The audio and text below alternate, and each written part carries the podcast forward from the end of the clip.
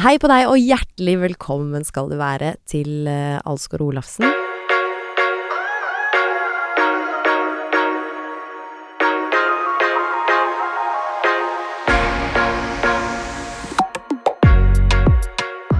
I dag uh, så sitter Thomas og, og gleder seg. Det gjør jeg. Det er liksom iver i Ja. øya i dag. Ja. Ja. Jeg kjenner veldig mange i Oslo som driver eh, i hans bransje, men eh, han har jeg egentlig aldri møtt og prata noe særlig med. Og han er stjernekokken. Det er han med stor H. Eh, hva, eh, kan ikke du introdusere dagens gjest? Han er jo altså Han driver jo Norges eh, beste restaurant. Og han driver jo også verdens Jeg tror det var 47. beste restaurant nå sist eh, år, da. Hvor de har en sånn Pellegrino har en sånn kåring av alle restauranter i verden. Altså han er en, eh, en kokk av dimensjoner. En restauratør i dimensjoner. Og da er det selvfølgelig Espen Holmboe Bang vi snakker om. Ja. Og Maemo, som da er Norges eh, beste og eneste med tre stjerner i Michelin, eller? ja, det er jo det han starta når han starta sjøl. Maemo i 2010, var det vel. Mm. Og så har det jo blitt uh, litt flere ting nå, sånn nylig, egentlig. Ganske nylig. Ja, han er jo også starta The Vandelay, Ja. som er det eneste av hans steder som jeg har vært på. Mononkel? Mononkel? Mon Mononcle. Mononk. Ja. ja, et eller annet. Eh, min onkel på fransk. Min onkel, ja. Og også nå senest eh, En bar? En bar. En cocktailbar. Cocktailbar. Som eh, Ringnesen har vært på. Der er du sikkert mye. Du elsker jo det livet der. Eh, jeg kunne, altså sånn I teorien så er jeg der mye, Ja. men i praksis har jeg ikke fått gått dit ennå. Nei, Nei. da var de barna. Jeg tenker mye på at jeg skal, skal være der. Men du er jo egentlig gangavstand nå, vet du. Du kunne bare tusla bort, eller rollerblada bort, eller noe sånt. Det tar faktisk lengre tid enn du tror å gå, men rollerblada kunne jeg gjort det. Ja, Komme inn der i en svett trikot, tatt en drink, Men det er hjem igjen. fryktelig spennende da å snakke med Han er jo egentlig dansk, så jeg håper at ikke språket blir en uh, utfordring. Han har bodd i Norge siden 2003-2004, tror jeg, Ja. hvis ikke jeg husker feil. Så hvis han har uh, giddet, så kan han norsk. Det, han kan sikkert norsk, men når man snakker Han har norsk kone. Ja, han har norsk kone. Og det er jo eh, utrolig mange ting jeg lurer på. Det er sånn Ja, hvor starter man liksom? Hvordan blir man så god som kokk? Ja, det er én ting. Jeg har jo tusen ting. Som eh, også driver egne restauranter, så er jo å prøve å ikke liksom bli for faglig her nå. Jeg, skal prøve å ikke spørre om det jeg lurer på. Jo, men du må jo lure, du må spørre om det du lurer på. Ja, men det er så mange ting jeg har lyst til å som for diskutere med han. eksempel Nei, hvordan man uh, skaper en av verdens beste restauranter. Ja. Det er jo noe. Det er et lett spørsmål, Det er det, et lett sikkert. spørsmål, det. Ja, det er sånn, Ja. Hvordan blir det verdens beste Hvordan det er å ha gjester med de enorme forventningene. For at når du reiser inn dit 2000, nei, 4000 kroner for menyen, så har mange kanskje spart i to-tre år. Ja. Og det er noen enorme forventninger. Ja. Og så skal, setter de seg ned, og så skal alt analyseres. da, Hvordan er det? mm. Det er ikke så gærent på de, de type restaurantene jeg driver. Der er litt mer Slenger man innom eh, og tar middagen der, liksom. Og så lurer jeg på, jeg vet ikke om jeg tør å spørre om det, men jeg, jeg føler også at eh, eh, Altså, jeg lurer på hvor mye av det han lager som han selv syns er fantastisk godt, Ja. og, eh, og hvor stor del av det som er sånn brifing, hvis du skjønner. Sånn, Ja. må alt ryke? Ja, det har vært en sånn trend, syns jeg. Også, jeg beste restauranten i verden siste årene. At det, det bikker over til å bli Det er ikke funksjonelt godt lenger. Det, det blir bare sånn Det er så sært. Det er Ja. bare så rart. For at du du skal skille deg ut, på en måte. Ja. Er det noe de tenker på og er bevisste i forhold til, eller er målet at alt skal smake fantastisk? ja. For det er sånn Er eh, Nutella og Grandis en god kombo, på en måte? Jeg vet ikke. Altså, Hvor har du fått det? nei, det var bare noe Det er hjemme. Det er noe du har laga sjøl. ja. ja, men det er jo sikkert eh, sånn Jeg vet ikke hvordan de tenker, Om de liksom De prøver sikkert å lete Altså finne nye måter å bruke råvarer på, nye sammensetninger. Er det ikke liksom, Når De de er helt jo- i toppen der, så må de jo sikkert drive og forske masse. Ja, jeg tenker jo det meste er jo på en måte gjort, er det ikke det? Ja, det er det. Lage en ny rett i dag. Hvordan går man fram for å lage en ny rett? Ja, ikke sant? Vi må Som bare få inn eh, Espen eh, fort som fy. Eh, kjør. Ja.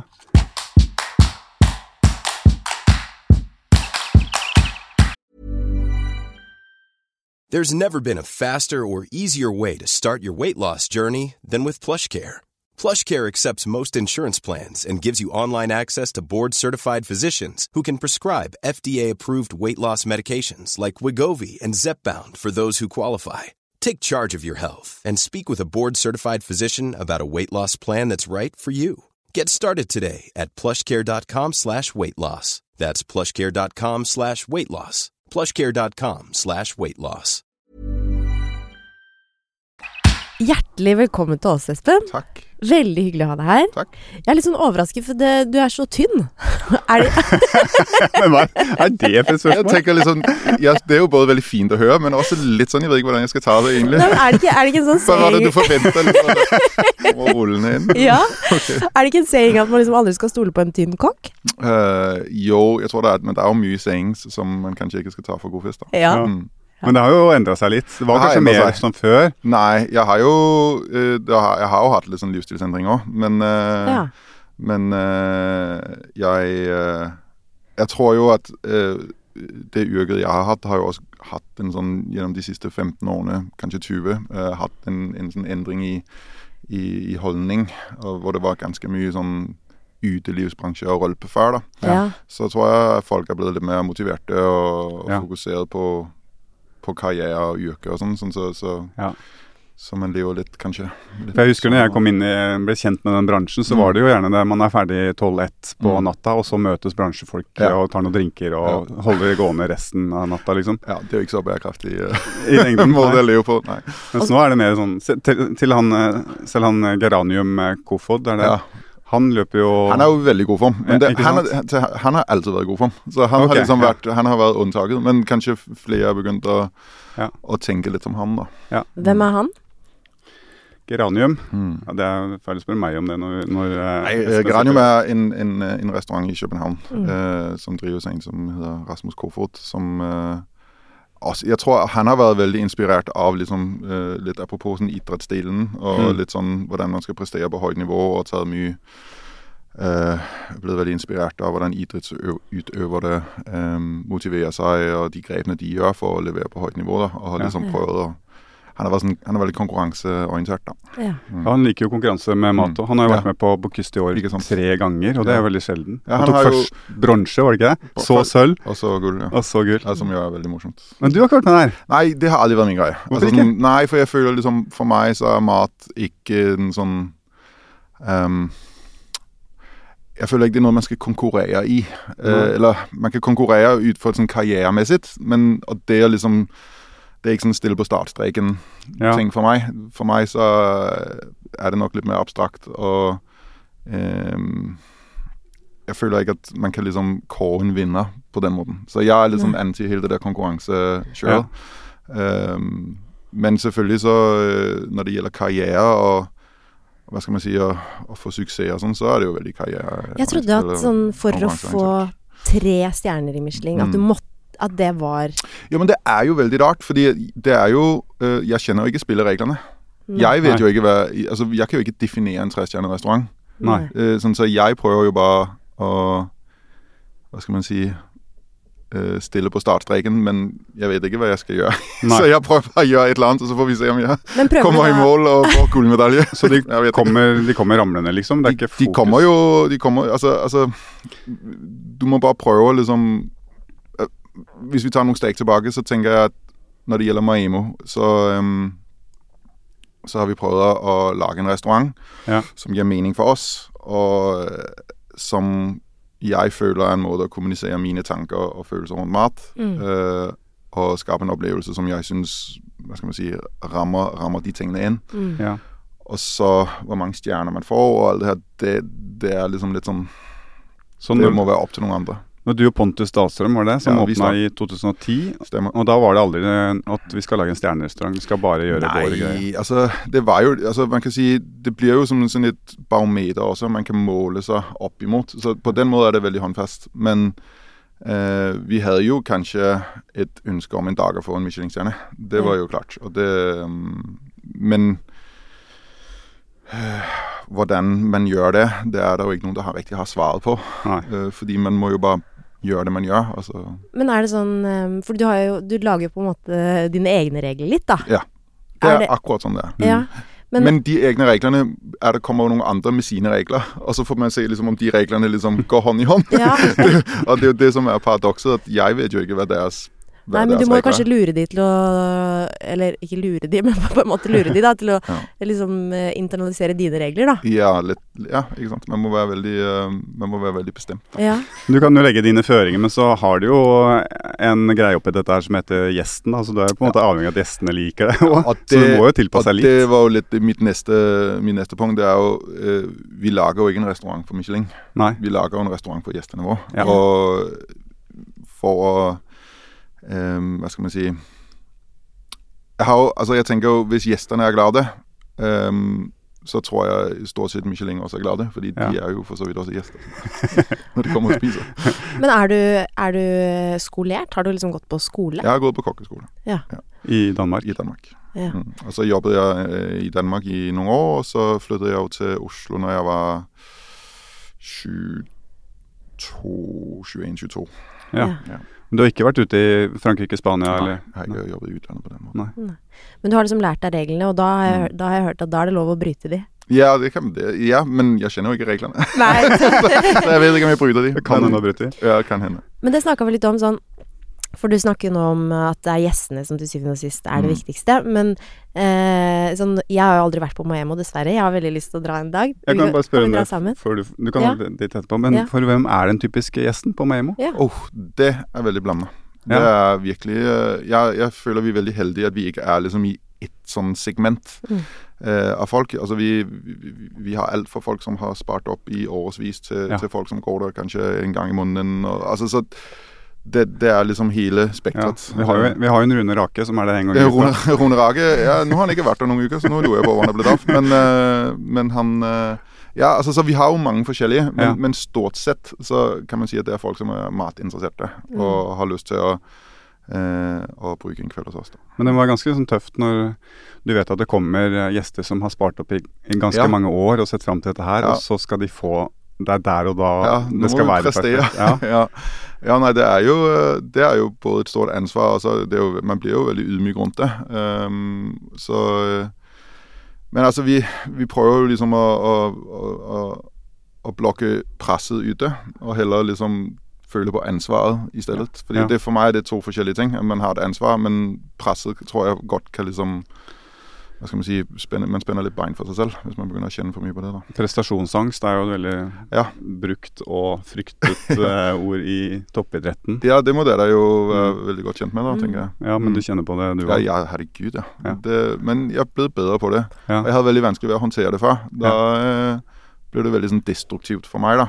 Um, At man blir redd for å feile på jeg blir redd for å feile, og så var man usikker. Og så når man først begynner å få den der usikkerheten, Ja. så um, Ja, så kan man ta mange feilvalg. vel. Men fortell litt om hvordan du jobber da, da, for å eh, Nei, Du du bedre på å håndtere. ehm, jeg har fått hjelp til det. Så, Ja. så jeg har jo eh, coach og psykologer som, som? Ja. Som, som jeg går til en gang i uken, og som hjelper meg med å liksom kanalisere ikke, usikkerheten. Fordi usikkerheten kom jo av um, sånn at man ikke at, Ja, det, jeg tror det var prestasjonsangst, rett og slett. Mm. Ja. Så, så jeg er jo ganske selvsikker på, og jeg er ganske trygg på det vi gjør. Ja.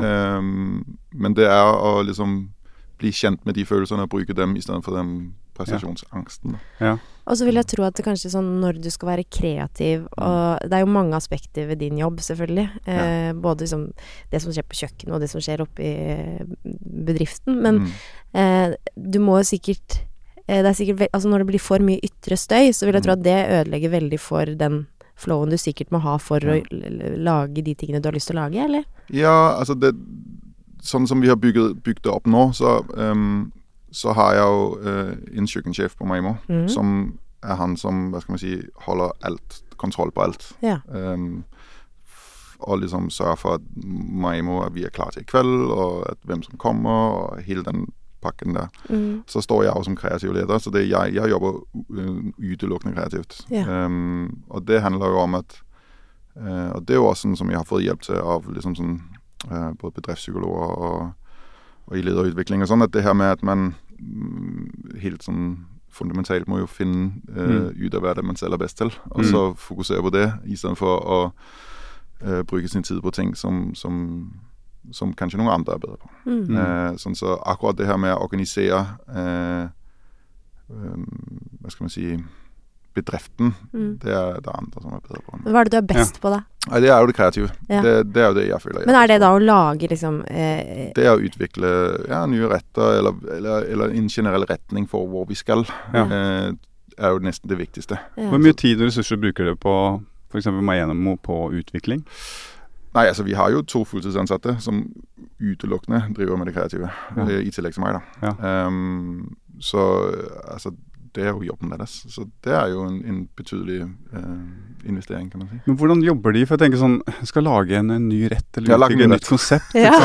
Hva er det? Ja, men det er jo, alt er jo gjort. Hva skal man Ja, gjøre? alt er gjort, og alt er jo ikke gjort, på en måte, men, men Så skal man ikke bikke over til det absurde og Ja. det, at det blir rart, bare. Ja. Men at Ja. det er, er noe Altså, vi prøver, altså, akkurat med Maimo så prøver vi jo ikke å være sånn grensesprengende på um, Hva skal man si Å gjenoppfinne noe. Altså, vi prøver liksom å, å liksom ha en veldig tydelig identitet og, Mm. og rendyrke den istedenfor. For meg så er det ikke så viktig om noen har gjort noe som er litt likt det vi gjør, eh, Mm. så lenge vi ikke liksom er inspirert, eller altså, så lenge det er vår greie, så Mm. prøver vi ikke å tenke så mye på hva andre har gjort og ikke gjort. Um, men, eh, men sånn som det fungerer, er jo at, at vi har jo møter hver dag, Mm. eh, hvor vi går gjennom uh, ideer og hvilke ideer som de jobber med nå. Uh, og resultater rundt det. Og så har vi selvfølgelig smaker vi jo masse mat, det er jo, Mm. gjør jo med. Um, og så, så er det liksom Jeg tror det er Jeg tror du kan ta vår prosess og ta den over i hvilket som helst kreativt yrke, og så er den identisk. Ja. Det, er jo, det er jo å jobbe fram ideer. Mm. Og så kan du si at vi lager mat, og andre lager eh, en nettside eller eh, Mm. hva som helst. Så, så er det jo eh, så er det jo bare å jobbe fram et kreativt resultat. Da. Mm. Men hvor stor del er eh, feiling? Hvor det er er jo 90% av det. Mm. Det er det jo. Og, um, vi har ikke Vi har aldri ramt plett første gangen. Så alt handler jo om å, å feile seg fram til et godt resultat, på en måte. Ikke sant? Mm. Hva er det rareste dere har prøvd på testkjøkkenet, som dere etter hvert Når dere kommer litt ut i det, kjenner at dette her dette blir for Ja, vi, har, vi, er, vi er ikke så rare. Altså, vi, vi, vi smaker mye rart. Altså, men Ja. vi lager ikke så mye rart. Men det handler om at vi- jeg føler vi må, det er viktig vi har referanser Ja.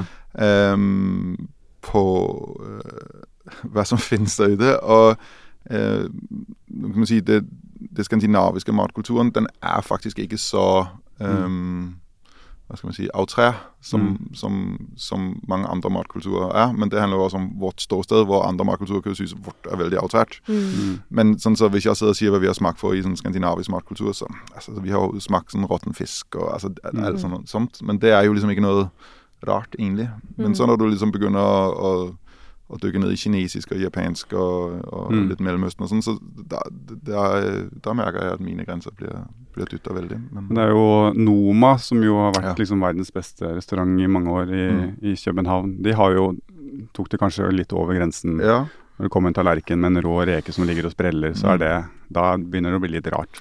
Altså, det er jo liksom litt konseptuelle ting. Ja. Og altså, Noma har jo altså vært veldig, veldig dyktige på liksom pushe grensene til folk. Og, Ja. og det er jo liksom deres greie. Men, eh, men det er liksom ikke det vi er ute etter. Vi har lyst til å skape en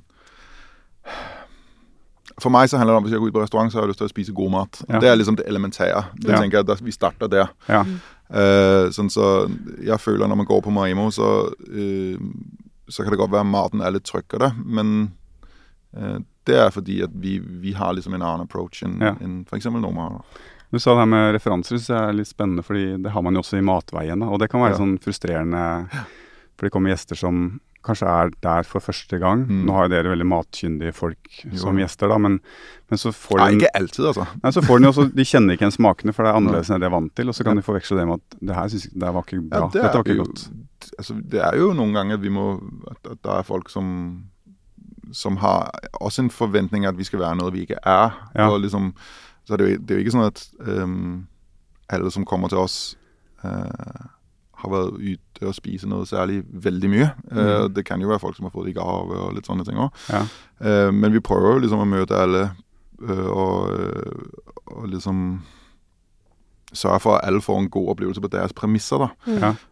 Og så syns jeg heller ikke en restaurant skal være sånn ekskluderende og liksom Ja, men de er ikke vant til å gå, altså, gå ut og spise og sånn. Det- Jeg syns det er noe bullshit, fordi vi er her jo for dem, ikke sant. Mm. Og, og en restaurant Man skal ikke liksom et premiss for en restaurant skal ikke falle og stå på om, om folkene har spist mye eller, eller, Men det eller føl- føles nok litt sånn for mange, tror jeg. Å gå på Mm. og ja, men, eh, ja, men jeg har ikke, da må jeg kle meg fint, og da må jeg Det Ja. er så stivt, og det er det ikke Ja. for sånne som meg, og Ja, det er jo litt sånn, det er jo litt sånn stigma, men, Mm. men det er jo ikke sånn.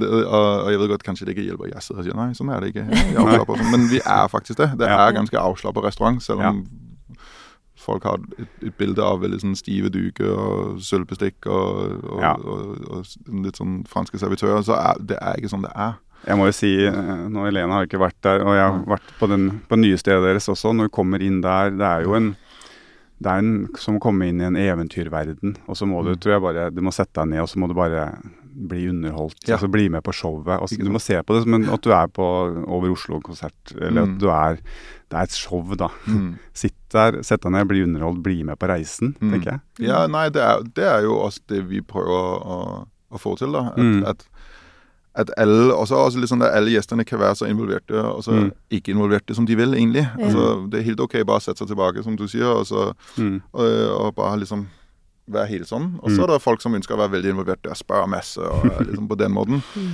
Og så er det folk som kanskje ikke hvor mat og vin kanskje ikke er så viktig, men de bare er ute og spiser for å kose med hverandre. Og Ja. da er det også helt ok. Man Ja. må liksom vi må, vi må adapte, på en måte. Og det er liksom vår jobb. Og folk kan være trygge på hvis de går på Maimo, så skal vi i hvert fall sørge for at de får en god opplevelse. Jeg var kom på en ting, det er en digresjon, ja, men det, er fordi at jeg eh, ble sammen med min kone for mange år siden, så, Mm. Så tok jeg med svigerforeldrene ut på Credo. Ja. Det er jo 20 år siden, 18 år siden. I. Trondheim. Ja, og det er veldig bra i dag, og det var veldig bra den gangen der òg. Og vi Mm. fikk 12-13 retter eller noe sånt. Jeg Mm. syns det var eh, strålende. Alle rettene syns jeg var veldig bra. Svigerfar, han var litt sånn kjølig fordi Og det var sånn Han hadde ikke fått potet til noen av rettene. Nei, ikke sant? ja. Det er jo Det kan jo være en utfordring. Det eh, så, så det er jo klart at Ja. Det handler også litt om innstilling, da, men, men, eh, men, men det er også litt sånn ja, men Hvis man tenker det- på det som kunst eller musikk eller ja, idrett eller hva som helst, hvor Ja. at alle har jo sine preferanser. Ja. Eh, eh, når det gjelder vintersport og sånn, så er jeg, jeg eh, Det ser jeg ikke på. altså Hva er det du sier? Ja, jeg vet det. Det er jo kanskje band i kirka, men, men, men Ja, men du er dansk, så ja, det er dansk, veldig forståelig. Jeg må ikke komme med stikk heller. Men jeg, jeg, jeg tenker sånn Jeg kan ikke stå på ski, og har ikke noe forhold til ski. Så derfor så blir det litt sånn Hmm. Men Det er ikke noe jeg følger med på. Men hvordan jobber du da for å liksom få folk til å forstå at mat er At jeg ikke står på ski? verdifullt? Nei. Jeg jobber kjempehardt, faktisk. Dette var, jeg tenker at Det er det eneste grunnen til at jeg gjør dette. Det er for å små få. Nei da. Unnskyld. Nei, men hvordan jobber du liksom med å få folk til å forstå at mat er verdifullt? Mat er jo verdifullt på mange måter. Altså um, Det er jo veldig sånn eh, komplekst spørsmål, fordi du kan si mat sånn helt elementært er verdifullt i og med vi må jo spise for, for å få næring og, og, og fungere. Og så er mat jo verdifullt for å tenke på kloden vår, og tenke på sannheten også vår. At Mm. hvordan, hvordan er det vi spiser eh, best for oss selv, og best for alle rundt oss, egentlig. Mm. Eh, og så er mat jo verdifullt også på en måte sånn eh, rent matkulturmessig. At det er jo eh, Det er jo kulturarv i dette også. Mm. Så, så mat er jo kjempeverdifullt, og, jeg føler jo at hele mitt eh, hva skal vi si, mitt yrke og min karriere handler jo om å vet, Det handler ikke om bevisstgjøring, for, for det, jeg, ikke, jeg skal ikke stå og preache, noe, men jeg liksom Jeg føler jo at hvis ikke jeg følte at, um, at det var verdifullt, så så hadde jeg ja, så Hva skulle jeg jobbe med? Eller hva Mm. skulle jeg liksom, hvordan skulle jeg forholde meg til jobben min? Men jeg vet ikke om eh, jeg liksom Så jeg tenker hele min eksistens, Ja. hvis vi skal snakke rent karrieremessig, Ja. er jo uh, en jobb for å gjøre mat verdifullt, eller fortelle mat, at, at ma folk at mat er verdifullt. At man forstår det gjennom opplevelsen. Ja. Men eh, man sier at man skal liksom lage mat da fra hjertet. Mm. Eh, hva var det som gjorde liksom, eh, Hva var det du vokste opp med, eller hva var det som gjorde at du liksom skjønte at dette, Mm. dette kan jeg gjøre, og dette vil jeg gjøre? Altså Jeg tror at øh, sånn rent det følelsesmessige rundt matlaging er noe som kommer øhm, når man blir litt eldre. Eh, og det, det var ikke noe jeg hadde fra starten av. Nei. I starten så syntes jeg bare det var, det var beinhardt, og det var så kule gutter, og det var ego og liksom altså. Så det var liksom det som var det fine i starten. Eh, og så etter hvert som man blir mer moden, så endrer ens hva skal man si, eh, ens ambisjoner seg, og hvilke verdier man legger i det man gjør. Det endrer seg etter hvert øh, som man, som man blir eldre. Så um, etter hvert som mat ble jo en sånn måte uh, for meg å få ting til å gi mening på. Eller det var liksom et sånn outlet for meg. Og, og liksom på en eller annen måte En ting er liksom rent sånn uh, terapimessig å bearbeide egne følelser, egne minner og sånne ting. Uh, en annen ting var jo at jeg hadde liksom lyst til å Det jeg skulle gjøre, eller det jeg gjorde, øh, kunne kanskje, øh, og det høres litt sånn ekstravagant ut, men gjør en forskjell på en eller annen måte. Mm. Um, og det handler jo om mange ting. Men uh, det følelsesmessige rundt var For meg så var mat jo alltid uh, Det handler bare om minner for meg. Det handler Mm. om liksom første gang man får servert uh, nye sommerjordbær med frisk fløte, og man liksom med en gang blir transportert tilbake på en varm sommerdag, og, Mm. og, og, og, og de tingene der. Sånn så det, For meg er det det sterkeste virkemiddelet i sånn rent kreativt og um, og også for gjestene. Altså, vi har jo gjester som blir rørt Mm. til tårer, og liksom Og det er jo Det er jo helt utrolig vakkert. Jeg ble det nå, Nei, det trenger du ikke bli. Ja, men det, er jo veldig sant. Fordi sånn, eh, altså, akkurat jordbær med fløte var et Mhm. godt eksempel for meg. Mhm. det er liksom Det smaker sommerferie Ja. Mhm. eh, med liksom bare Jeg kjenner liksom at jeg blir, har skrubbsår under føttene fordi jeg har løpt på svabergene, mm. hvis du skjønner. Ikke sant? Og så er det også handler om at sånne minner så er de Uh, ofte og noen ganger knyttet opp til spesielle personer. Det kan være personer man er glad i, eller personer kanskje ikke er med oss lenger. og liksom Litt sånne ting. Så man, det, man kan liksom fort bli veldig emosjonell rundt, rundt mat. da. Mm. Og, Ja. og, og jeg tror for min del, når jeg er kreativt, så er det jo øh, noe som er veldig med meg i den prosessen. Ja.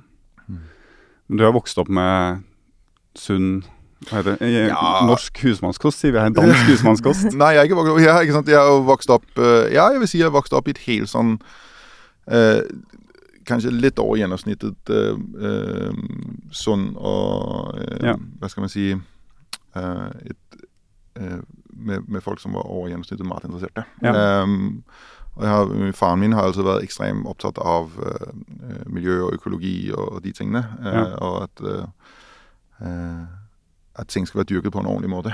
Ja. Eh, og det er jo noe som jeg liksom har fått med meg videre. Um, og moren min var alltid veldig glad i å lage mat. Og, øh, så, så, så, så det har alltid vært en naturlig del av, av Ja. oppveksten min. da. Også det øh, å være øh, oppmerksom på hvordan ting er dyrket og sånne ting, det tror jeg ikke det er så mange øh, Ja. min generasjon som har hatt øh, med seg fra barndommen. Er det ting du ikke kan bruke? Er råvarer som du bare sier nei, dette her Ja, skal vi da- aldri ha. Altså, tenk, det er jo spesifikke råvarer som jeg ikke er noe glad i. Altså, jeg kan ikke like fennikel, eksempel. Jeg, Nei. jeg er ikke så glad i aubergine. Og liksom, så jeg har jo preferanser, og så er det jo ting som Ja, men for eksempel um, prøver jeg å holde meg unna eh, Eller jeg ikke prøver, jeg holder meg unna eh, ting som ikke er dyrket på en forsvarlig måte. Og det handler jo både om Mm. Dyr og, og grønnsaker og fisk. Og Fisk. Men det er jo også Jeg det.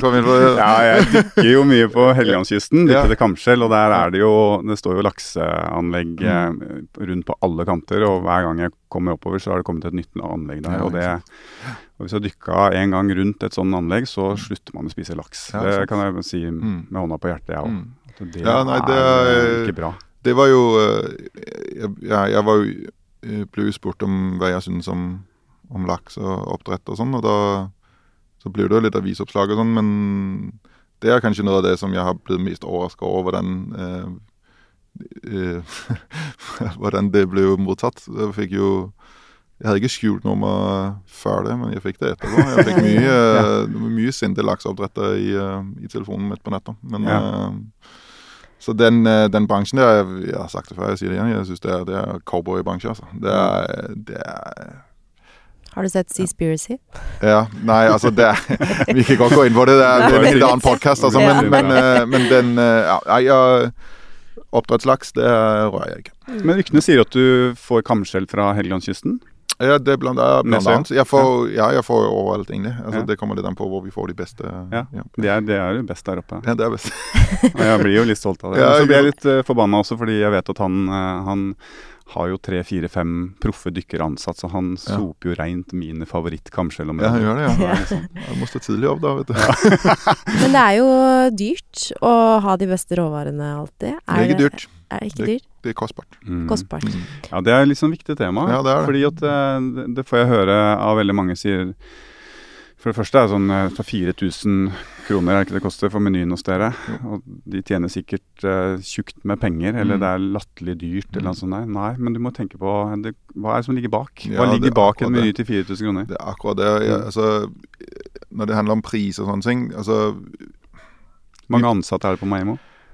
Nei, altså vi er jo rundt 45, tror jeg. Um, på bar, altså det er bare på Maimo, og så har vi jo flere restauranter. Ja. Da er det jo mer. Men uh, um, altså man kan si vi priser oss etter hva det koster å skape den opplevelsen Ja. for oss. Og eh, jeg ser ikke, altså Maimo, restaurant Maimo ser ikke jeg blir rik på. Mm. Um, men det er, heller, ikke- det er så heller ikke derfor vi gjør det. Men så, så jeg tror liksom folks oppfatning av hva ting koster, Ja. det er jo veldig forskjellig. Altså, Ja. ikke sant? Det er jo mange som Folk som er fotballinteresserte, de har ikke noe problem med å bruke 15 000-20 000 på en, en overnatting i Liverpool, liksom. Og, og, og så er det folk som er bilinteresserte, som gjerne Ja. bruker 2,5 millioner på en fin bil. Og det, så Ja. Man kan si det handler jo om prioriteringer. Ja. Så går du på Egon og spiser en treretter for 500 kroner og syns det er Det synes jeg- supert. Det syns jeg er dyrt. Ja. Ja, så, Ja. Da blir du flådd, for det er elendige ja. råvarer, og alt er halvfabrikat og skit. Akkurat det. Og det ikke sant? Så de priser jo 100 iskaldt etter profitt, Ja. og prøver å gjøre det så billig som mulig. Ja. Hvor vi gjør jo i prinsippet det motsatte. ja. Mm. Men det var egentlig det jeg mest interessert, eller lurte mest på, var om det er, liksom, er mulig å tjene penger på å drive Ja, det er det. Ja. Og det, jeg syns alle bedrifter skal, skal jo prøve å tjene penger. Og så kan man si man kan få så og så mye overskudd, men, men vi prøver å ha sånn drift, eller vi har sånn drift. Um, og eh, vi jeg ikke blir håva inn millioner på slutten av året, men, men det går rundt, og, Mm. og, og vi har et fint lite overskudd. Og, og, og det syns jeg Hvis ikke man fokuserer på det, da er det jo velgjørenhet. Og det, det kan vi ikke overleve på. så, eh, så eh, vi priser oss etter uh, hvordan at uh, vi får et positivt resultat, men moderat, da. Men du har starta en del andre ting nå de siste Ja. par årene. Er det liksom mer sånn for å lage et fundament for å kanskje tjene penger, da? Nei, det er jo 100, altså Pengene er er helt uh, sekundært for meg. Er Altså det? selvfølgelig Ja, altså jeg vil jo gjerne Hva skal man si tjene penger og, og sånn, men, men jeg skaper jo ikke noe for å tjene penger. Det, det er jo bonusen. Men klarer du fortsatt å opprettholde en sånn vanvittig kompromissløshet i forhold til bare et kvalitet i alle ledd foran alt? Ja, fordi jeg føler eh, hva skal man si, kompromissløshet må man jo liksom ta inn i hva skal man si, det universet man er i. Sånn Ja. så man kan si kompromissløshet på eh, Hvis jeg står på Mononkel eller på uh, Conservatory eller på August, det er jo ikke det samme som kompromissløshet på Maimo. Det er jo helt forskjellige ting uh, man går på kompromiss med. Ja. så, så man kan ikke, man kan jo ikke veie det opp mot hverandre. Uh, så ja, jeg føler jo 100 vi er kompromisser. Man kunne ha valgt billigere servise på Mononkel. Det kunne jeg absolutt ha gjort, og jeg kunne sikkert også valgt dyre, men man velger jo liksom det som er hva skal man si, gir mening, da. Ja. Og det handler, for meg så handler det kompromissløshet jo om at man gjør 100% hva som føles riktig. Ja, på hele er ja, på, all, på, alle, på alle beslutningene. Um, det er for meg kompromissløshet. Ikke at det skal være det dyreste, eller det liksom Hva med når jeg det, elsker Skal du det? Så bra. hva med når det gjelder folk? Folk.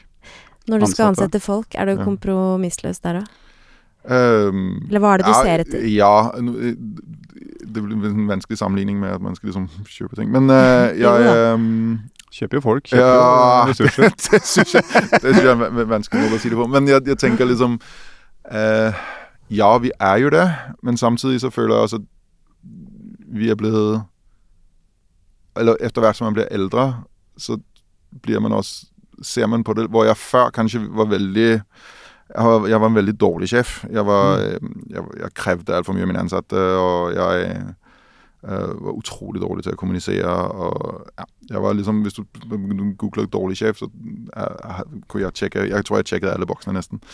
Så man kan si eh, Nå handler det jo mer om at få inn eh, folk vi føler øh, beriker bedriften, og som også blir beriket av bedriften. Mm. Øh, ikke øh, pengemessig, men øh, skal man si, faglig og følelsesmessig. Så ja, vi er kompromissløse, men vi er ikke sånn at det skal være de beste på det Mm. de gjør. Vi, vi håper det er folk som enten vi kan gjøre til de beste, eller som kan gjøre oss bedre. Ja. Sånn så Det handler jo mye mer om, om personlighet og, og, og drive, da. Mm. Men du ville aldri tatt inn meg eller Lene som lærling der? Men, men det skal du ikke si. Jeg tror Dere er jo sikkert veldig dyktig på motivering. og sånn, altså. Så dere har helt sikkert vært dyktige på det, og fokuserte. Men jeg så for eksempel eh, Jeg leste en sak det er en stund siden, men når du starta og åpna The Conservatory, Mm. Ja. så eh, ville du ha med deg Mm. eh, Jeg husker ikke navnet hennes. Anne. Ja. Eh, på Altså hun som lager de beste drinkene som du har drukket. Mm. Eh, og uten henne så hadde det liksom vært uaktuelt. Mm. Eh, fortell hvorfor. Nei, det er jo Altså Jeg følte jo liksom at hvis ikke Hvis ikke jeg kunne få med meg den som er best på, på å drive et sånt sted mm. Fordi jeg var helt åpen på at jeg er jo ikke best på å drive et sånt sted. Jeg har ikke, jeg har ikke noe erfaring med bar. Mm. Så tenkte jeg liksom Da ville det jo være um, Da ville det jo være et kompromiss. Og Mm. da hadde vi jo ikke vært det best mulige, eller best for oss. da. Nei. Så for meg så ga det mening å få med Anne. Eh, jeg, nå vet jeg ikke om hun er den beste bartenderen, men det er jo i hvert fall hun som har gitt meg den beste opplevelse. Eh, og da eh, Hvis ikke det var henne, så hva skulle jeg gjøre da? Da ville det jo være et kompromiss. Så det, det, var sånn helt, det var helt enkelt for meg. Mm. Jeg signerte ikke leiekontrakten før hun hadde takket ja. Det er kult. Mm. Hva, hvilke ting er det du føler du har blitt uh, bedre på, siden du sier du var en dårlig sjef? Jeg ble bedre på, Bedre på alt? alle punktene. Ja. Ja. Nei, uh, altså Men hvis du skulle gi noe sånn Er det en ting som har gjort Ja. stor forskjell for deg? jeg tror øh, Hvis man liksom snakker sånn dårlig sjef, så, så handler det om at jeg ble jo kastet ut i det jeg var veldig ung, mm -hmm. uh, når vi begynte å få suksess. Og, og jeg var um, usikker. Og da har du et fundament som er ekstremt uh, bra for å skape en dårlig sjef, Ja. kan man si. Uh, sånn så Det som er blitt bedre nå, er jo at ett, jeg har fått folk uh, rundt meg som tar beslutninger for meg, eh, Mm. som handler om arbeidsmiljø og de tingene der. Det er det liksom det for noen andre gjøre, Mm. som, som kan det. Og så eh, er det jo på et personlig plan, hvor jeg er blitt tryggere og eh, eldre, men også eh, har fått liksom profesjonell hjelp til å, å Mm. bli en god leder, da. Ja. Ehm, fordi jeg var jo Jeg husker ikke hvor gammel jeg var når jeg, når jeg, når jeg fikk de her stjernene og sånn. Og det, det, det, ja, Mm. det var slippery slope, det, altså. Mm. Men for å unnskylde litt, så det var jo på en måte litt kulturen da, i kokkebransjen. Det. Sånn 80-90-tallet i Frankrike. Altså, det, for å si det sånn Det altså, var en dårlig, elendig kultur. Det er jo det jeg vokste opp med. Ja. Ikke sånn Elendig kultur. Og Ja. ekstremt dårlige sjefer som var Ja. både fysiske og psykiske øh, overgrep. Det går noen, eh, går noen eh, historier fra Bagatell, blant annet. Ja, ja. Vi trenger ikke gå inn på alt det, men, men jeg tenker det er jo også en arvemiljø, på en måte. Ja. Um, sånn at det var den eneste lederstilen jeg noen gang har opplevd. Ja. Så var det utrolig enkelt for meg bare å falle ned i den gryta der. Sånn så um, Det krevde jo også at man gjør et oppgjør med seg selv. Hva, hva er det for et liv man har lyst til å skape for seg selv og andre? Ehm, så, så det var jo Jeg tror det var i 2017 vi begynte liksom en skikkelig sånn helomvending på det. Da, Og nå er det jo Nå syns jeg jo personlig, også som arbeidstaker i Moimo, Ja. det er en fantastisk sted å gå på jobb. Ja. Eh, så jeg håper at eh, Og vi ser det jo på den måten. Folk blir veldig lenge hos oss nå. Ja, mange sier jo det samme, og min kompanjong eh, Max eh, Mm. Ja. er jo, var jo, tok jo også et oppgjør med seg sjøl. Mm. For han så at eh, den lederstilen han kjørte, som Mm. jo var basert på mye av det franske og de Mm. store kjøkkenene rundt i verden Folk ble bare borte, ville ikke. Nei, ikke sant. Det- Så det er rydda opp, virker det som veldig Ja, så handler det også om man skal også gå hjem, gå hjem på kvelden og liksom være stolt. Eh, Det er jo liksom en driving force for meg. Også liksom det her med å føle at OK, i dag øh, eh, gjorde jeg alt jeg kunne for å være den beste utgaven av meg selv, Ja. av meg selv. Eller jeg kan se meg selv i speilet og tenke ja, men Ja. Det, du, du gjorde en god innsats i dag. Mm. Eh, og da føler jeg, hvis man har gått og kjeftet på folk og fått folk til å føle seg lei seg og alle sånne ting, da eh, har man ikke gjort en god jobb. Det er jo en veldig Ja. kjip følelse å leke seg med. Og så begynner man jo å ta inn over seg hvordan de andre føler. Og kommer til et sted og kanskje får lov å jobbe sammen med noen man har sett opp til, og litt sånn, Ja. og så får man liksom en dårlig opplevelse. Og det, det syns jeg var veldig kjipt, og det gikk veldig inn på meg. Ja. Så det var jo um, Og så er det også noe sånn altså, jeg har alltid, Når folk begynte å jobbe på Maemo før, så var jeg alltid veldig tydelig og sa dette er beinhardt. Vi jobber Ja. vilt mange timer, og vi må prestere øh, på ekstremt høyt nivå. Mm. Og det ble jo for meg en eller annen sånn unnskyldning for å være en dårlig sjef, på en måte. Fordi da kunne jeg si ja, men jeg har gitt dem beskjed, de- de vet det, ikke sant. Og vi må Ja. prestere på toppnivå, og da må Mm. man legge ned så og så mye. Men det er liksom Ja. Det, sånn funker det bare ikke. Og Mm. det handler jo om man må lære hvordan motiverer man folk, og hvordan blir man selv motivert. Og Mm. Vi, det, ja. dette er litt spennende, fordi Mm. akkurat denne praten har vi hatt før. At man har en sånn innledende samtale. Ja.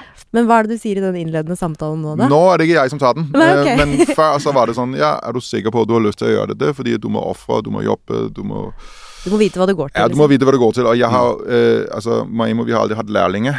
Det skal vi begynne å ha nå, da. Men eh, fordi at jeg har alltid vært veldig sånn Folk som kom og jobber på Maimo, var voksne mennesker som tar en beslutning og gjør dette. Jeg vil ikke ha noen som blir kastet inn i noe som de ikke liksom være, være klar for og sånn. Så, så det er liksom en ting jeg alltid har hatt eh, som regel. Men eh, ja, jeg sier jo jeg sa, Før så sa jeg bare det. det, det du må ofre alt hvis du skal gjøre dette. Mm. Og så, ja, det gjør jeg. Men, men det er jo ingen som vil det, egentlig.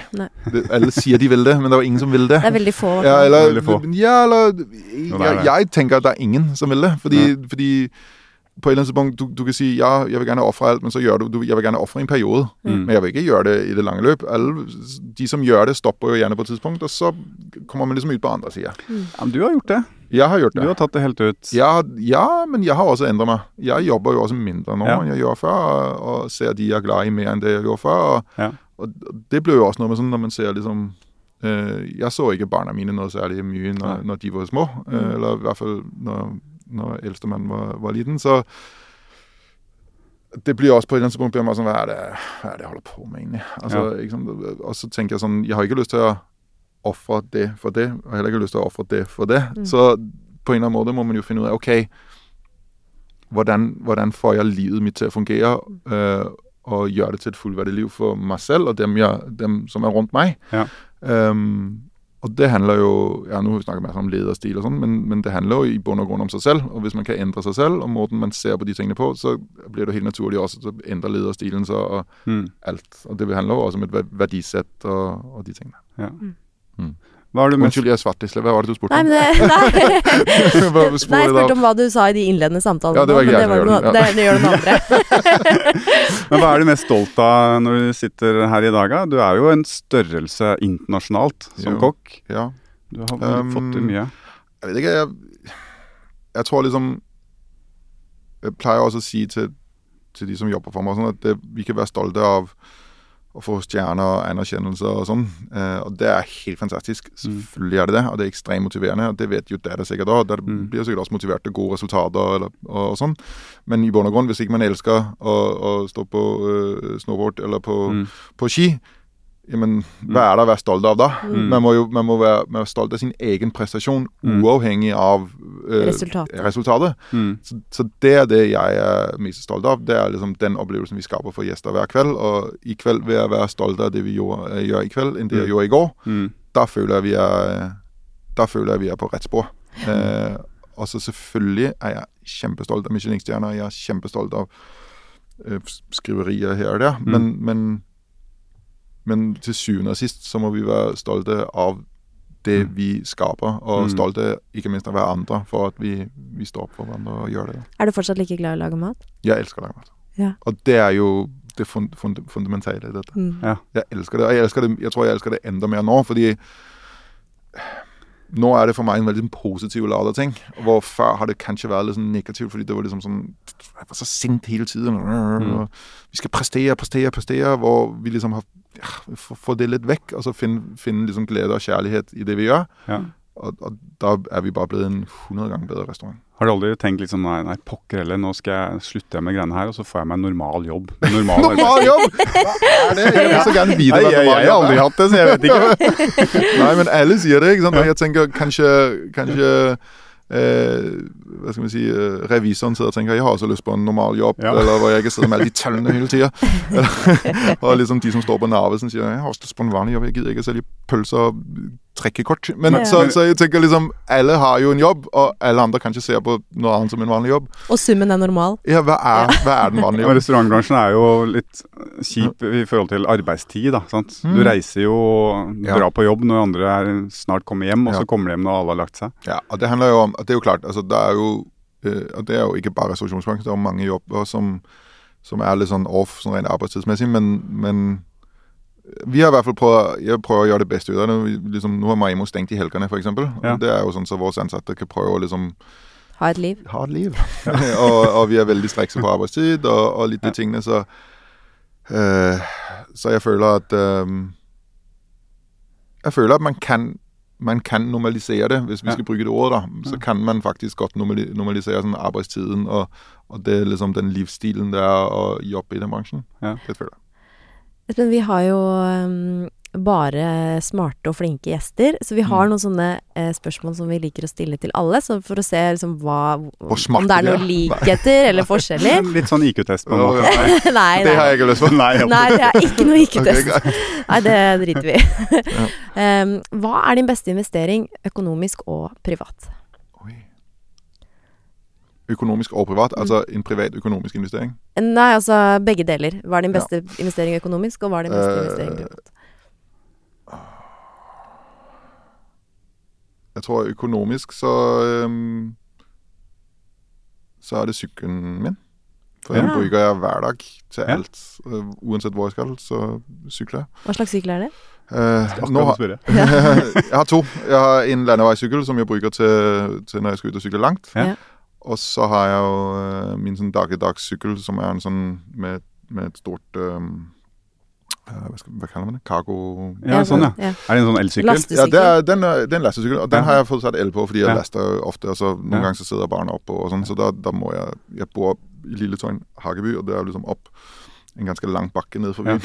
Jeg hadde liksom begge ungene foran, så den økten trenger jeg ikke seint på dagen, altså. Men uh, Men selvfølgelig sykler du som er dansk. i, åpenbart, og det skal sies at det som hører med til den historien, det var akkurat når jeg kom til Oslo, så var det helt sånn Det var det som jeg manglet aller mest i livet mitt. Det var Ja. å få lov å sykle.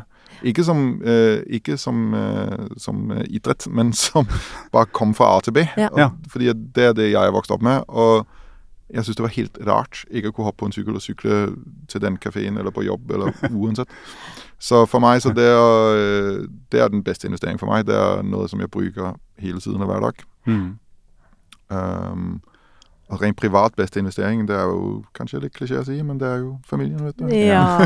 Og, ska, og, og alt som følger med, og skape noen gode rammer for de da. Du fant en uh, norsk kvinne, og så tenkte du jeg flytter, jeg blir med henne til Ja, Norge. eller jeg tenkte jo ikke det, jeg fikk beskjed om det. Og så, øh, nei, jeg si. Herregud, så teit, altså, teit å si. Ah, nå, jeg tar det tilbake. Nei da, men øh, jeg øh, Ja, altså, men det var ikke sånn at jeg besluttet meg for å flytte hit for alltid. Når jeg flyttet, men det liksom ble sånn. Du skulle bare teste litt. Ja, Ja, for jeg har en kone fra Trøndelag, og jeg, bare, jeg sa klart og tydelig fra tidlig at jeg, vi drakk ikke til Trøndelag. Vi tar ikke til Trøndelag, nei. Du får bli med til Nannes, da. Ja, Ja. ikke sant. Eh, hvis du kunne gi en bok i gave til alle du kjenner, hvilken ville det vært?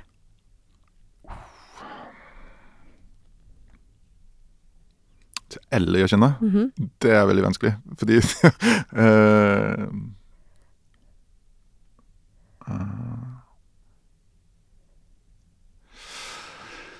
Jeg tror øh,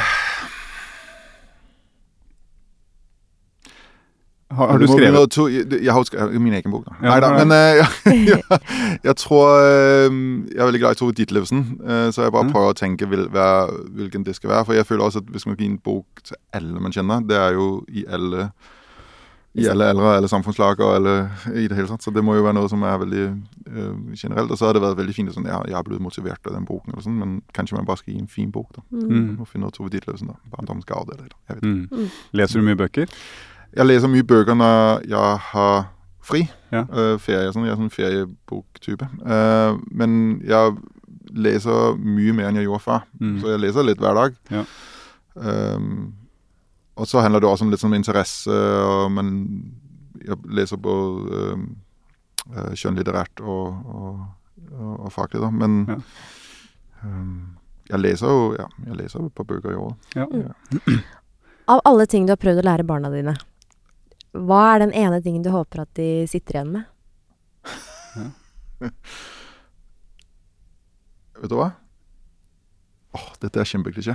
Men prøv liksom å si det er nesten litt fælt å si det, fordi det er så klisjé, men vær mot andre som du vil at de skal være mot deg. Og Ja. vi, har liksom, vi har hatt noen snakk, og det er i det siste sånn Hvordan har du hatt det hvis, hvis, hvis du fikk den reaksjonen, eller Mm. hvis den personen gjorde sånn? ikke sant? Altså, ja, ja, nei, ja.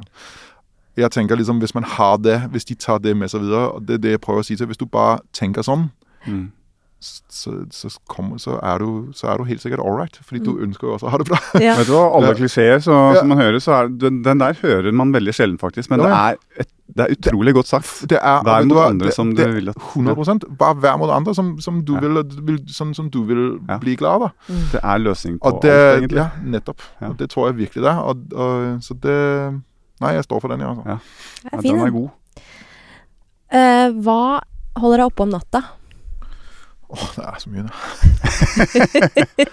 nei uh, jeg, eh, Kan du ligge og gruble over Nei, en feil som er gjort nei, på gruble. servering? Ja, ja, liksom- herregud, jeg ja. grubler kjempemye. Jeg er veldig sånn grubletype. Men uh, jeg Det er både positivt og negativt. Altså, Ja. jeg, kan holde, jeg kan bli våken for, fordi jeg sitter og jobber med noe som jeg ikke har lyst til å slippe, eller Mm. jeg uh, syns det er noe gøy, så jeg har lyst til å fortsette, eller eh, jeg, jeg er ikke så mye våken om natten på kjipe ting. Mm. Det husker jeg faktisk ikke sist. Um, eller kanskje det var korona. Det var ikke, det var ikke så kjipt restaurant i korona, men eh, um, jeg eh, Ja. Nei, jeg så sover, jeg sover bedre. Jeg, jeg, jeg, jeg vet ikke. Jeg, og det er også, en- men det er jo sånn helt elementær livsstilting, der. Mm. Jeg, rører, jeg beveger meg mer, spiser bedre og sådan, og så, Mm. så sover man også bedre på natten. Du trener litt Jeg trener hver dag. hver dag. Mm. Ja. Hva trener du? Øh, det er jo bare sånn eh, ah, Crossfit. Jeg har ikke lyst til å bruke det ordet. crossfit. det, er, det er ikke det, men eh, det er jo bare, det er jo bare styrke, Styrke. og mosjon. Og, Ja. Supersett. Ja. Mm, Mm. det er det. Hva er den største feilen du har gjort, som du har lært mest av? Du, vet du hva? Det handler det er det der dårlige sjefgreiene vi har Ja. snakket om. Mm. Det var når det gir opp for meg at uh, jeg har en, uh, dette er en destruktiv um, måte å være på for meg selv og andre. Da, Det endret livet mitt. Det krever sin mann å gjøre det. Se seg selv i speilet på den. Ja, ja, Ja. det kanskje, men det var liksom sånn Det endret uh, min approach til alt. Mm. Uh, til vennene mine, til familien min, til de ansatte, meg selv, ikke minst. Alt. Så Ja. det var den største endringen i livet mitt. Kult. Ok, Og så har vi til slutt ti sånne kjappe. Ok. Som jeg tenker man må uh, stille en stjernekokk. Ok, her- nå nå kjører vi. Hva er det mest, mest essensielle i et kjøkken? God kniv. Hva for noe? God kniv. God kniv? Ja, enig. Mm. Enig. Hva er verdens beste prefabrikatprodukt?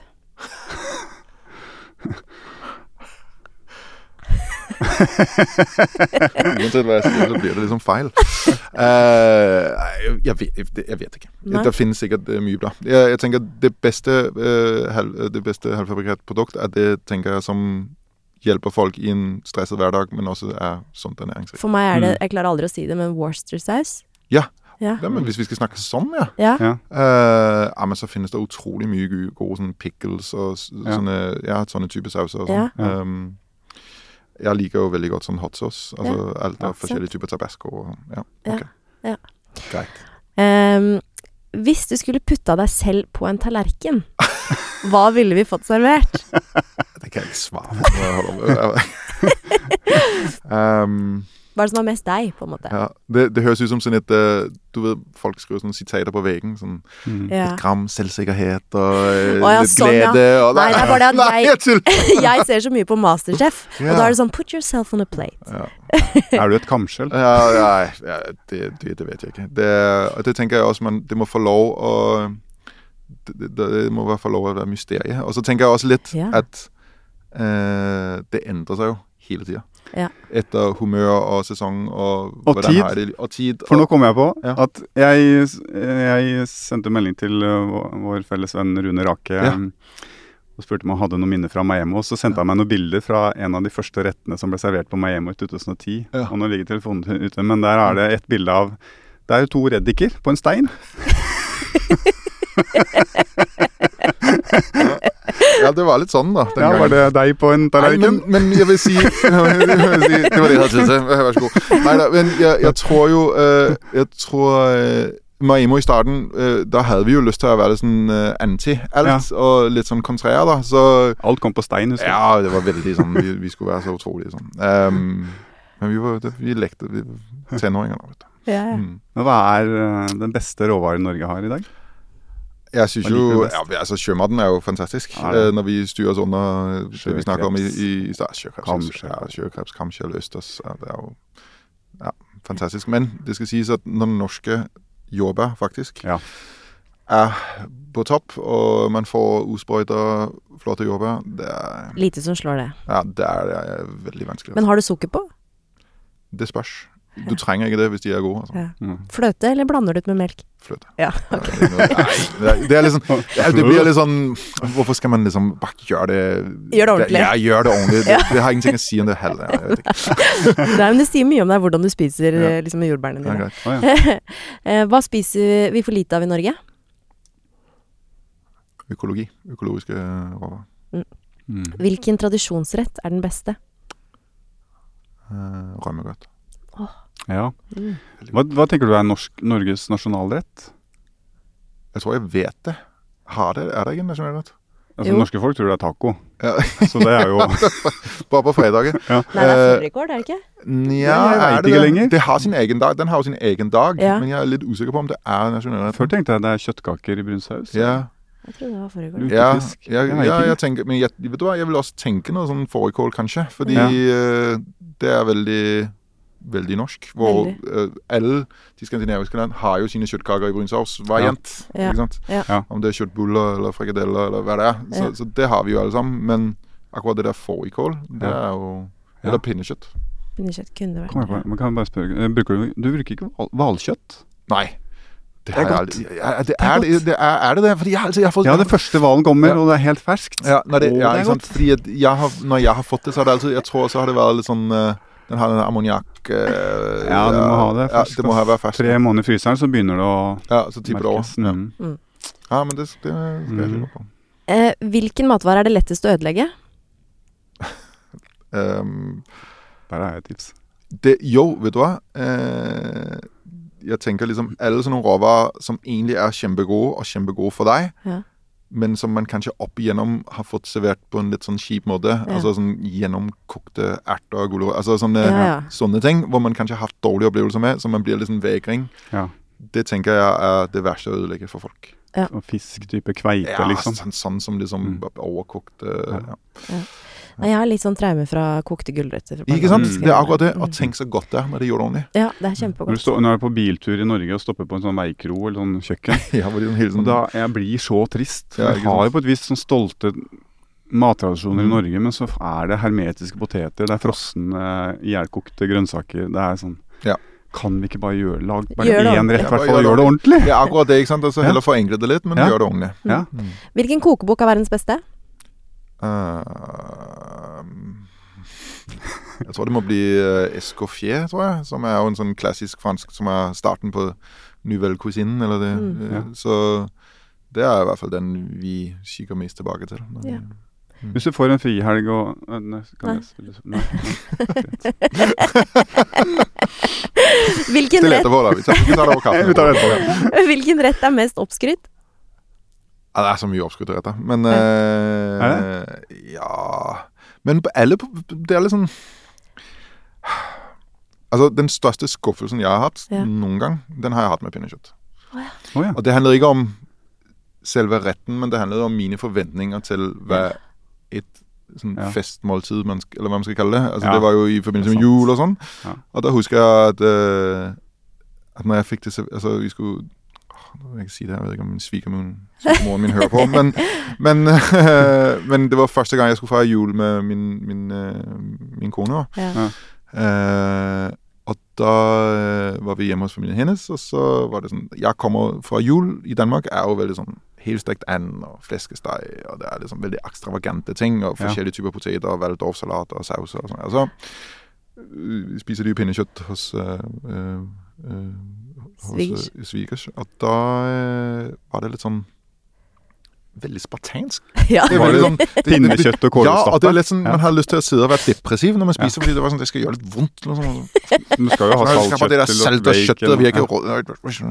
Og så, så, så nå elsker jeg det. Jeg elsker pinnekjøtt. Jeg syns det er helt fantastisk. Men, men det er liksom hver ens forventning av hva et type måltid skal være. da. Men smalahove, da, det kan du spise. Smalahove har jeg spist. Ja, Det er en gimmick, da. Men, men ja, Men det er godt, da. det er kjempegodt. Det er jo røkt kjøtt. og Det er jo rart, ja. Det er litt rart å så spise litt hode på den måten, men uh, Ja.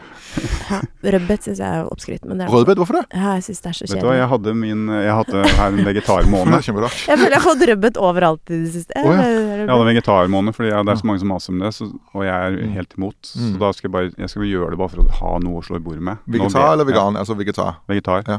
Og da lagde jeg, fant jeg på en oppskrift på, på en rødbet som var helt fantastisk. Jeg skal lage det til deg en gang. Det var bare rødbet, ikke noe annet. Rødbet kokt i rødbetjuice, Ja, som er helt kokt ned. Så du fikk den sødmen inn, og så en burblad til. Smørsaus. Ja. Det var altså så godt. Ja, men det, altså, rødbet er jo en Mm. veldig allsidig grønnsak. Mm. Det er jo kjipt å rule den ut, da. Ja. ja. Eh, siste spørsmål. Det er veldig trist at dette skal være siste spørsmål, så jeg har nesten lyst til å droppe det. Eh, Da må du droppe det, da. Ja, da Ok. kan Du, kan- du kan ikke si ah, 'det var så kjipt at man spør det'. Men eh, hvor ofte spiser du Grandis? Skjønner du, eller? jeg hadde, liksom, jeg hadde en sånn god følelse omkring denne podkasten. Ja. Og så måtte jeg ødelegge det på denne i- måten. Uh... Men dette bryr jo det norske Ja. folk seg om. Gjør de det? Men gjør de det? Eller er det ja. Det er jo det folk Eh, flest spiser på jeg julaften. spiser, jeg, spiser jeg, jeg, jeg vet ikke hva ofte og ikke ofte er, men jeg, jeg, det blir jo um, Altså, vi har jo laget Grandis Og hjemme, det er jo klart. Det har skjedd, liksom. Ja, selvfølgelig har det det. Ja, altså, Unga liker det jo, så det er jo Eh, barna og, og, ikke sant? De sier, hva, hva hadde dere lyst til? Dere får velge hva som helst. Ja. Ja, jeg har lyst på Grandis. Ja. Ja, ikke sant? Kan jeg ikke sidde og si nei, vet du hva? Det går ikke. Det skal ikke være Det blir veldig snoppete. Ja. Eh, nei, jeg vet ikke, et par ganger i året, kanskje. Jeg vet ikke. Du, har jo, du driver jo Norges eh, beste restaurant. Ja, Kanskje det blir litt utfor arena òg. Men det er Norges beste. Utfordrer? Det er ingen utfordrer. Men hvis du skal dra ut i Hvis du får liksom tid, dra hvor du vil mm. i Norge. Mm. Spis hva du vil. Mm. Fritt valg. Hvor drar du da?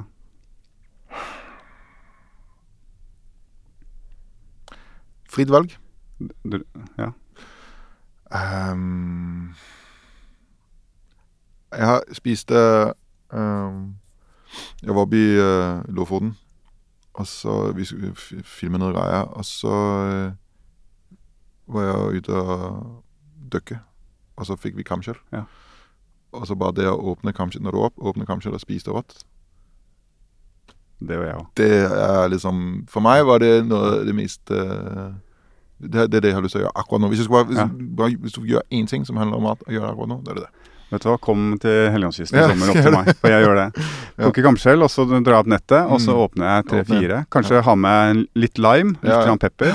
Mm. Så har du saltet fra havet der. herregud, det er Bare rett ut av skjellet. Sånn. Det er altså så godt. Ja, og så høres det litt sånn gærent ut å si, men når de, det er fint at de- jeg merker at de beveger seg litt i hånda. Jeg, jeg liker det. Nå var det to flotte tårevåte menn som snakket om kamskjell her. Det var Ja, men det altså, nydelig altså, Det var et vakkert Men det er så gøy å dykke, i, Ja, det- særlig nord i Norge.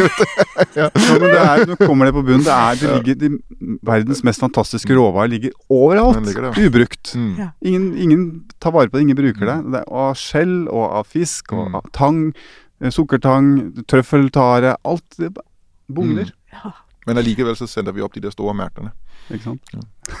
Tusen inn Ja. hjertelig takk for en fantastisk takk. prat, Espen. Takk Veldig for- hyggelig Nei, at du jeg er kom. jo ferdig. Altså. Tusen takk for at jeg fikk komme. Takk.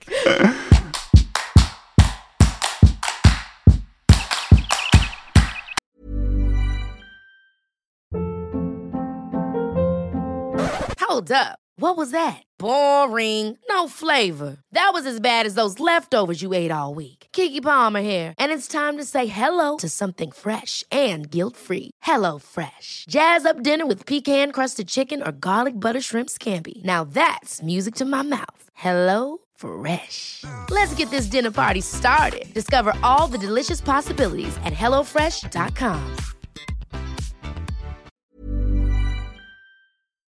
Ja, Thomas. Ja. Du, du føler deg ikke tømt, eh, ser jeg? Nei, jeg, Nei, det er ikke lov å si, det kan jeg. Må ta den på nytt. Det er ikke greit å si. Nei, det her syns jeg gikk for fort. Jeg hadde masse mer spørsmål. ass. Bare om han som person og valgene hans, og, og også litt sånn profesjonelt hvordan han driver sine restauranter i forhold til hvordan jeg og Max driver. ja. Jeg syns det var eh, skikkelig ja, fin fyr, ass. Ja, ass. Jeg kjenner meg veldig igjen i at når han snakker om eh, ytre press, og at han liksom blir for fokusert på prestasjoner og sånn, ja, at kjærligheten, eller liksom det som egentlig betyr noe, kanskje ja. svinner litt. Mens Ja. man liksom, hvis man klarer å rekalibrere, så finner man liksom tilbake til det som er viktig, og da gjør man det enda bedre. Og det var jo et spørsmål jeg glemte, fordi det, er, det å få stjerne er både en, en blessing og en forbannelse. Fordi det å få tre stjerner er jo fantastisk, men eh, da kan du ikke miste det igjen. Og det er jo, folk har jo hoppa fra bruer eh, i Frankrike når de har hatt tre stjerner i 15 år, og så plutselig går ned til to. Så er det et sånn stort nederlag at ikke de klarer å bære det. Så det er jo ganske hardt press. Altså. Jeg tror ikke mm, vi egentlig forstår hvor mye det innebærer å få disse stjernene, og opprettholde de. Mm. Er fint. Jeg syns det er sjukt spennende å liksom prøve å forstå hvor mange faktorer som går inn i å drive en vellykket restaurant på det nivået. Mm. Det er liksom, det er så sammensatt at man skal Man har en visjon og en drøm og et forhold til mat og noe man ønsker å gi en kunde, men så det å treffe på den kundens En ting er jo forventninger, men også sånn det de ikke forventer. Ja. Eh, kanskje. Overraske. Overraske. Alltid skal overraske. Ja. Ja, og liksom Å, det smakte barndom, liksom. Det er, må jo være Ja. eh, det, ja, det var så spennende, men også så sykt vanskelig. Ja, men han er flink. Han tar mange sånne tradisjonelle ting og så vrir om på det. Og så får du det på en ny måte, ny sammensetning. Mm. Så du får noen sånne barndomsminner fra norsk husmannskost på en helt annen måte. Mm. Så mm, Jeg skal begynne å spare, jeg, så skal vi, eh, skal vi, skal vi på middag. begynn å spare. Og så skal jeg også begynne å spare. Ja. Ja. Ja, det er så deilig å slippe å kjøpe lister eh, for alle pengene sine. ja, for det er ikke blitt noe billigere med lister heller de siste Nei, det tida. ikke det, vet du. Nei, men eh, jeg syns dette var en skikkelig fin prat. Du ble sulten. Jeg ble fryktelig sulten, og det ble babyen her også. Så hvis dere hører litt sånn pustelyder i bakgrunnen, så er det fordi det ble, blir ammet. Hun er ikke så kresen i matveien. er Hun, hun Nei. tar det hun får. Ja, hun tar det samme hver dag. Ja. ja. Stakkars lille lille.